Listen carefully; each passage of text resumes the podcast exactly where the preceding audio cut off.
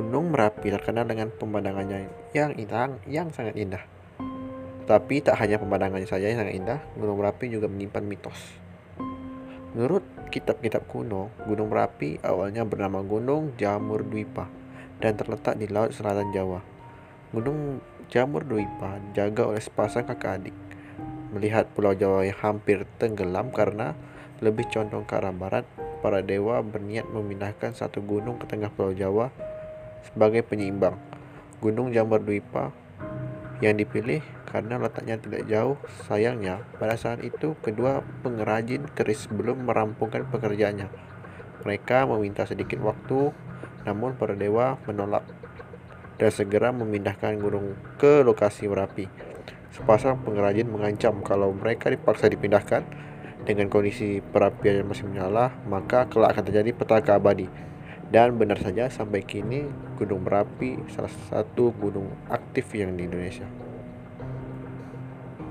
Tidak hanya menurut legenda, menurut pendaki dan beberapa masyarakat Gunung Merapi sangat angker. Salah satu daerah terangker yang paling terkenal adalah Pasar Bubrah. Tempat Pasar Bubrah Tempat angker yang paling terkenal di Gunung Merapi adalah Pasar Bubrah. Pasar Bubrah merupakan punggung gunung yang tepat berada di bawah kawah Merapi.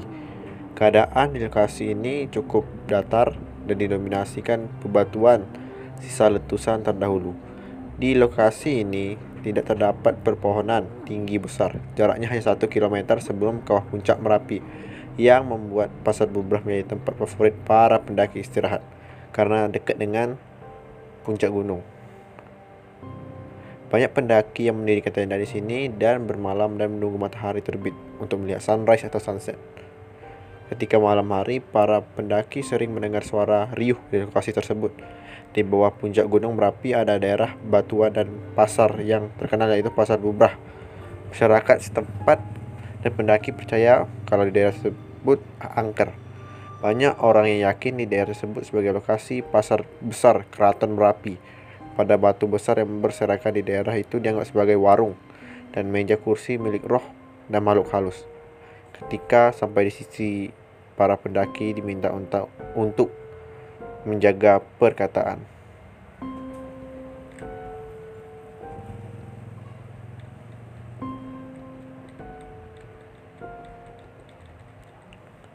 Kedua, bunker. Pada suatu hari ada wisatawan yang mengikuti lavatur dan perlahan menghampiri bunker. Bunker itu memiliki tangga menurun ke arah bawah.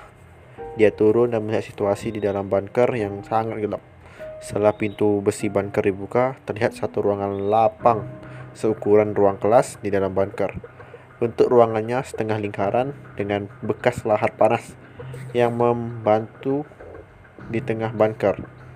Setelah dia keluar dari bunker, dia mendengar suara orang menangis. Sekian cerita yang dapat saya sampaikan. Sebenarnya masih banyak cerita mitos Gunung Merapi, tapi saya hanya akan menceritakan dua cerita yang sangat terkenal di Gunung Merapi. Maaf bila ada salah kata dan penyampaian. Sekian, terima kasih.